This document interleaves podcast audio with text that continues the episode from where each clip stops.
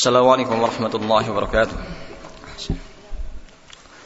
الحمد لله حمدا كثيرا طيبا مباركا فيه. كما يحب ربنا يرضى. أشهد أن لا إله إلا الله لا شريك له. وأشهد أن محمدا عبده ورسوله.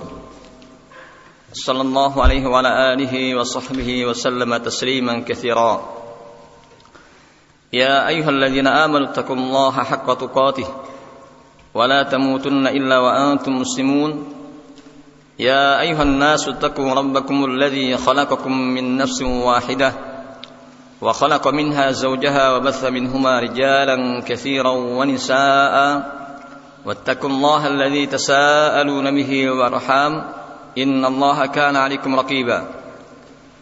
يا أيها الذين آمنوا اتقوا الله وقولوا قولا سديدا. يصلح لكم أعمالكم ويغفر لكم ذنوبكم. ومن يطع الله ورسوله فقد فاز فوزا عظيما. أما بعد فإن أصدق الحديث كتاب الله وخير الهدي هدي محمد صلى الله عليه وعلى آله وسلم وشر الأمور محدثاتها وكل محدثة بدعة وكل بدعة ضلالة وكل ضلالة في النار. Ikhwani wa akhwati azza wa Allah Subhanahu wa taala berfirman, berfirman Waqfid janahaka liman ittaba'aka minal mu'minin Dan hendaknya engkau merendahkan dirimu kepada orang yang mengikutimu dari kalangan orang-orang yang beriman. Allah perintahkan kepada Nabi kita Muhammad sallallahu alaihi wasallam supaya berendah diri kepada orang-orang yang beriman, orang-orang yang mengikuti Rasulullah sallallahu alaihi wasallam. Rasulullah SAW bersabda dalam hadis Iyad di Himar, Inna Allah auha ilayya an tatawadhu. Sesungguhnya Allah mewahyukan kepada saya agar kalian semuanya tawadhu berendah diri. Tidak saling menghinakan satu dengan lainnya. Tidak saling merendahkan sebagian kepada sebagian yang lainnya. Salamah bin Dinar beliau menyatakan la takunu aliman hatta yakun fik thalath khisal engkau tidak akan bisa menjadi orang yang alim.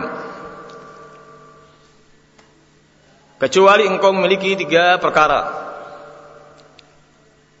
Yang pertama la tabghi ala man fawqak. Jangan sampai engkau melampaui batas kepada orang yang di atasmu. Ini yang pertama supaya kita tidak melampaui batas kepada orang-orang yang lebih tua daripada kita, orang-orang yang lebih berilmu daripada kita. Hendaknya saling memuliakan terlebih lagi kepada orang yang lebih tua. Wala tahkiranna man dunak. Yang kedua jangan sampai engkau merendahkan kepada orang yang di bawahmu. Mungkin sekarang masih anak-anak tingkatannya. Keilmuannya belum seberapa. Tapi nanti mungkin Allah jadikan anak-anak yang sekarang ada ini akan menjadi pemimpin-pemimpin yang besar.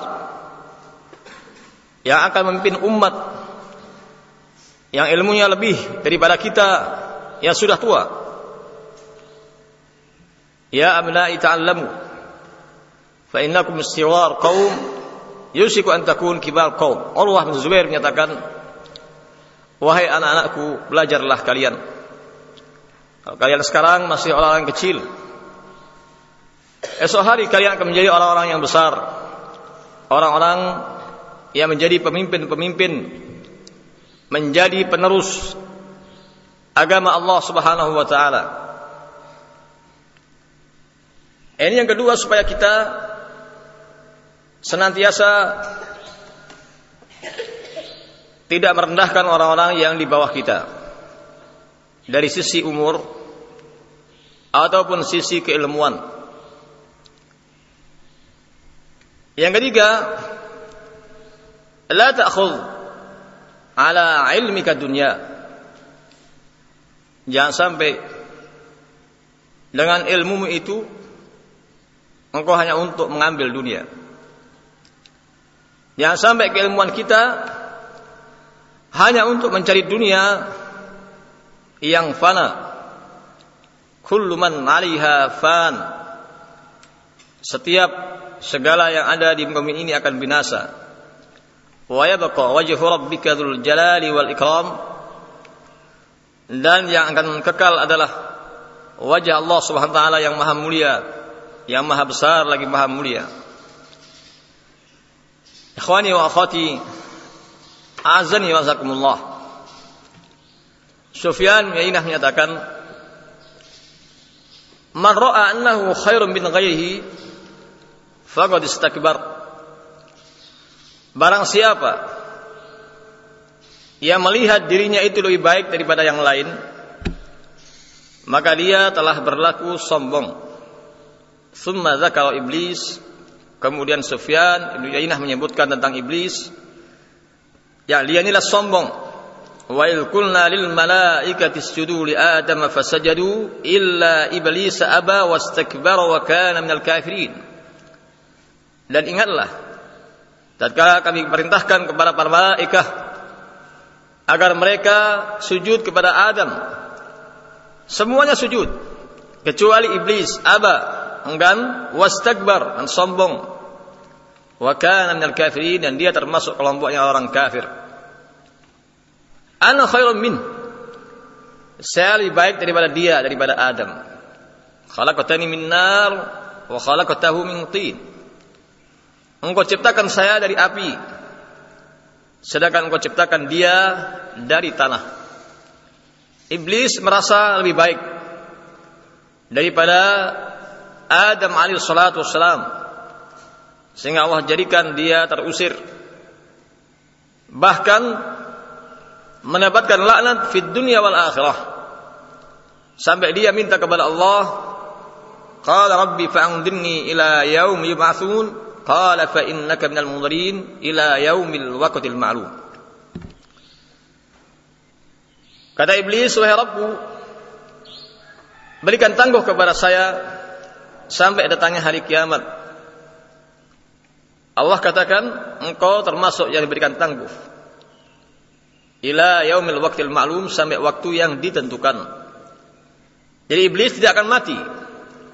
Tidak akan mati sampai yaumul kiamah. Akan tapi terus menerus mendapat laknat di dunia dan di akhirat. Abu Bakar Siddiq beliau menyatakan la tahkiranna ahadan minal muslimin fa inna haqirul muslimin indallahi azim. Janganlah engkau merendahkan seorang pun dari orang-orang yang beragama Islam. Karena sesungguhnya merendahkan seorang dari kaum muslimin di sisi Allah perkaranya besar. Ajaban libni Adam qad ghasala al-bawl والغائب في اليوم مرتين مرة أو مرتين ثم يرى عارض جبار السماوات والأرض sangat mengherankan bagi anak Adam padahal telah mencuci kencing dan beraknya dalam sehari sekali atau dua kali lalu bagaimana dia menentang penguasa langit dan bumi berlaku sombong di hadapan Allah Subhanahu wa taala. Sasrifan ayat alladzina yatakabbaruna fil ardi bighairil haqq. Dan kami akan palingkan orang-orang yang berlaku sombong di muka bumi ini tanpa alasan yang hak. Sasrifan ayat alladzina yatakabbaruna fil ardi bighairil haqq wa iyyaraw kulla ayatin biha. Dan jika mereka itu melihat semua ayat Allah mereka tidak mau beriman. Wa iya sabila rusdi la yattakhidus sabila. Kalau mereka melihat jalan yang lurus, jalan petunjuk dari Allah Subhanahu wa taala, mereka tidak berupaya untuk menempuh jalan tersebut. Wa iyyarau sabil ghayy yattakhidu sabila. Dan kalau mereka melihat jalan yang menyeleweng, mereka pun menempuhnya. Melihat ayat Allah tidak mau beriman. Melihat jalan yang lurus, jalan yang benar, tidak mau menempuhnya. Begitu ada jalan yang menyeleweng, mereka berlomba-lomba untuk menempuhnya. Lihat bagaimana mayoritas keadaan manusia di zaman sekarang. Jalan yang jelas-jelas lurus, kenapa tidak mau menempuhnya? Tapi jalan yang jelas-jelas bermaksiat kepada Allah Subhanahu wa taala berlomba-lomba untuk menempuhnya,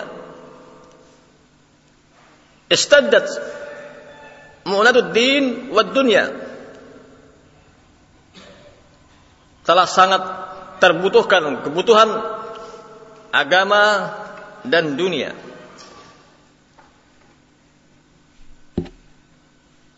Wa amad din fala tajid alaihi awana. Adapun masalah agama, maka engkau tidak akan menemukan penolong-penolong agama tersebut. Wa amad dunya fala tamud yadaika ila syai'in minha illa wajadta fajiran qad sabaka ilaih. Adapun masalah dunia, engkau tidak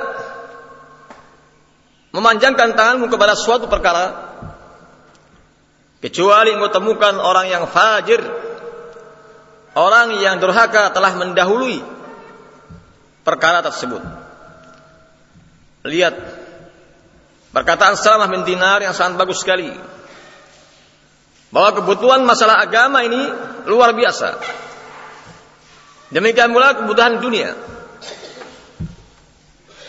Banyak orang berlomba-lomba untuk meraih gelar kedokteran, mengobati penyakit secara zahir penyakit manusia dalam tubuhnya. Namun sedikit orang-orang berlomba-lomba untuk menjadi dokter pengobat jiwa. Orang-orang yang parah akidahnya. Yang parah bagaimana manhajnya. Sedikit orang yang berlomba-lomba untuk menempuh demikian. Adapun masalah dunia, kita lihat apa pun usahanya. Kalian mau membangun bangunan yang bertingkat? Orang-orang kufar lebih dulu. Sudah membuat bangunan-bangunan yang bertingkat. Bahkan mungkin sampai ratusan tingkat. Kalian mau usaha tentang perkebunan. Lihat orang kafir, perkebunannya lebih maju daripada kita. Kalian mau mengarahkan usaha dalam menggapai senjata yang ampuh, yang canggih. Orang-orang kafir sudah dulu membuat senjata-senjata yang sangat canggih. Apa pun keadaannya. Olehnya itulah ma'asul muslimin. Rahimani rahimakumullah. Hendaknya kita berupaya untuk tawaduk kepada Allah SWT. Tunduk kepada perintah-perintahnya. Meninggalkan larangan-larangannya. Jangan berlaku sombong dalam hadis Abdullah bin Mas'ud radhiyallahu ta'ala Rasulullah SAW menyatakan La yadkhulul jannah man kana fi qalbihi mithqala habbah min khardal min al-kibr. Tidak akan masuk surga orang yang dalam hatinya itu ada sebiji sawi dari sifat kesombongan. Al-kibr batalul haq wa ghamtun nas.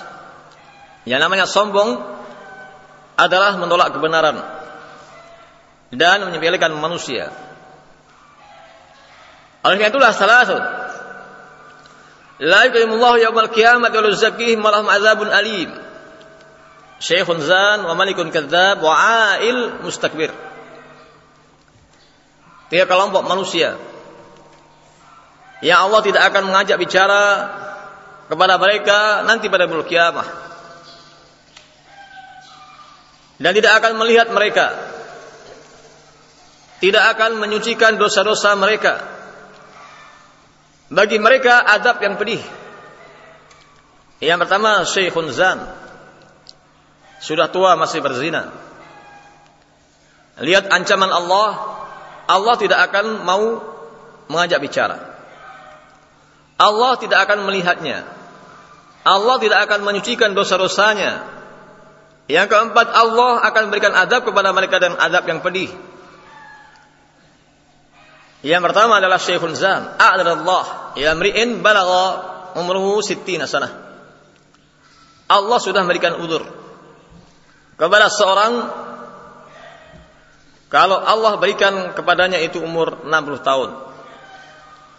Kalau sampai 60 tahun masih berzina, maka tidak ada udur lagi. Akan mendapatkan ancaman yang berat di Allah Subhanahu wa taala. Wa malikun kadzab dan pemimpin pendusta. Pemimpin yang pendusta banyak janjinya tapi mengingkari. Ma min 'abdin yasarinillahu ra'iyatah yamut wa huwa yamut wa ghashil ra'iyatihi illa lam yajid rahil jannah. Barang siapa yang Allah berikan karunia kepadanya berupa kepemimpinan kemudian meninggal dunia pada hari kematiannya dan dia menipu kepada yang dipimpinannya, dipimpinnya, maka dia tidak akan mendapatkan baunya surga.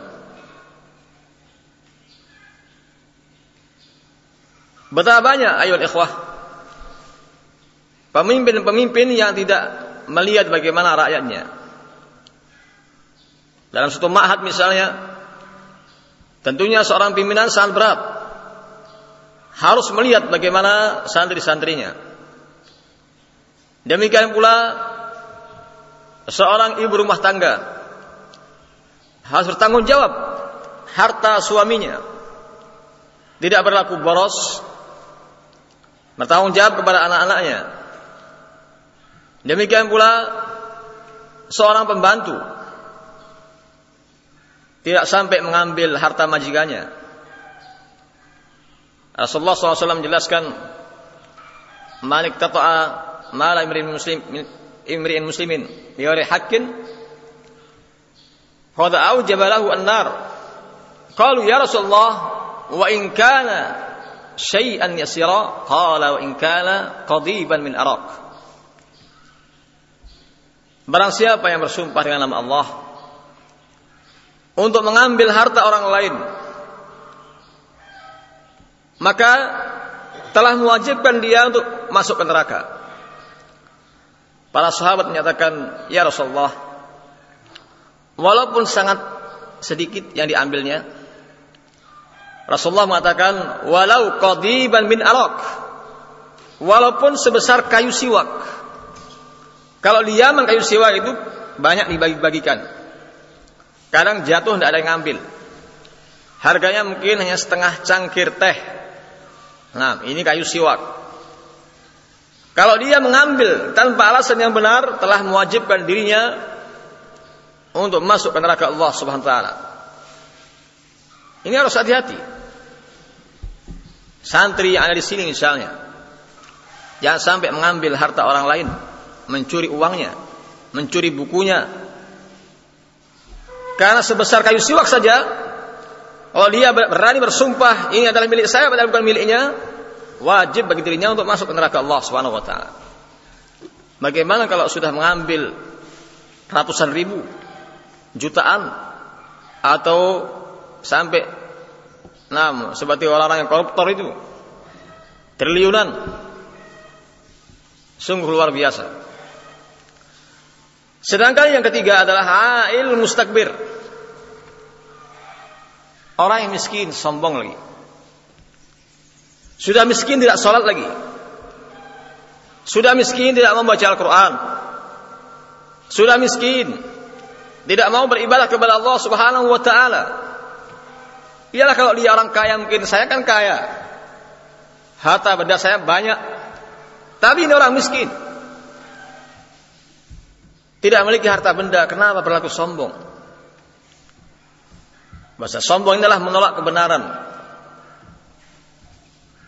Wala qad dara'na li jahannam katsiran minal jinni wal ins. Lahum qulubun la yafqahuna biha wa lahum a'yunun la yubsiruna biha wa lahum adhanun yasma'una biha. Ulaika kal an'ami bal adall. Ulaika humul ghafilun. Dan sungguh telah banyak kami masukkan ke dalam neraka kebanyakan jin dan manusia. Mereka punya hati tidak untuk memahaminya. Tidak memahami firman Allah dan sunnah-sunnah Nabi Muhammad SAW. Tidak memahami Al-Quran sunnah. Berlaku sombong, tidak mau mencari ilmu. Orang-orang yang sombong demikian ini. Memiliki pandangan tidak untuk melihat kebaikan-kebaikan. Memiliki pendengaran tidak untuk mendengarkan perkara-perkara yang baik. Mereka ini layaknya binatang ternak. Seperti binatang ternak, seperti kambing, sapi ataupun unta. Balhum adol, bahkan mereka itu lebih sesat daripada binatang ternak. Antum melihat misalnya kalau sapi, nah sudah ada pagar segini, tidak akan keluar. Tapi orang yang durhaka, nah walaupun kekuatannya di bawah sapi, akan melompat pagar. Iya bantah. Lompat pagar untuk melakukan maksiat. Lebih parah keadaannya daripada binatang ternak. Lihat kambing mungkin hanya setengah meter, tidak mau keluar kambing. Nah kalau dia itu mau lam, orang Jawa bilang nyeruduk pakai kepalanya, akan jebol mungkin pagarnya. Tapi demikian. Oleh itulah orang-orang yang tidak tunduk kepada syariat agama Allah Subhanahu wa taala mereka ini seperti binatang ternak bahkan lebih sesat. Ulaika humul ghafilun. Mereka adalah orang-orang yang lalai. Ikhwani azani wazakumullah lihat bagaimana Allah arahkan kepada kita. Untuk senantiasa tawadu merendah diri.